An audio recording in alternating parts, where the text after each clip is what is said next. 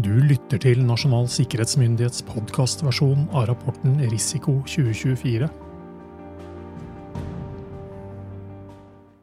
Episode 1 om rapporten. Risiko 2024 beskriver hvordan trusselaktører kan utnytte sårbarheter hos virksomheter og i samfunnet, og hvilken risiko dette medfører. I rapporten peker NSM på hvordan myndigheter og virksomheter bør redusere sårbarheter for å gjøre trusselaktørenes jobb vanskeligere. Risiko 2024 henvender seg til hele samfunnet, men spesielt til ledere og personell med sikkerhetsoppgaver. Målet med rapporten er å gi virksomheter bedre forutsetning for å se sikkerhetsarbeidet i en større sammenheng. Dette er spesielt relevant for virksomheter underlagt sikkerhetsloven, men også for andre virksomheter hvor sikkerhet er viktig.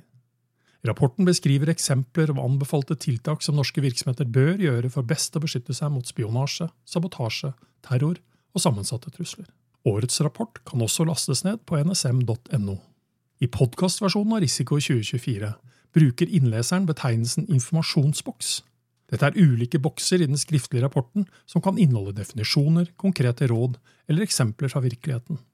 Enkelte grafiske modeller og diagrammer blir ikke beskrevet i podkastversjonen, men kan leses i den skriftlige rapporten.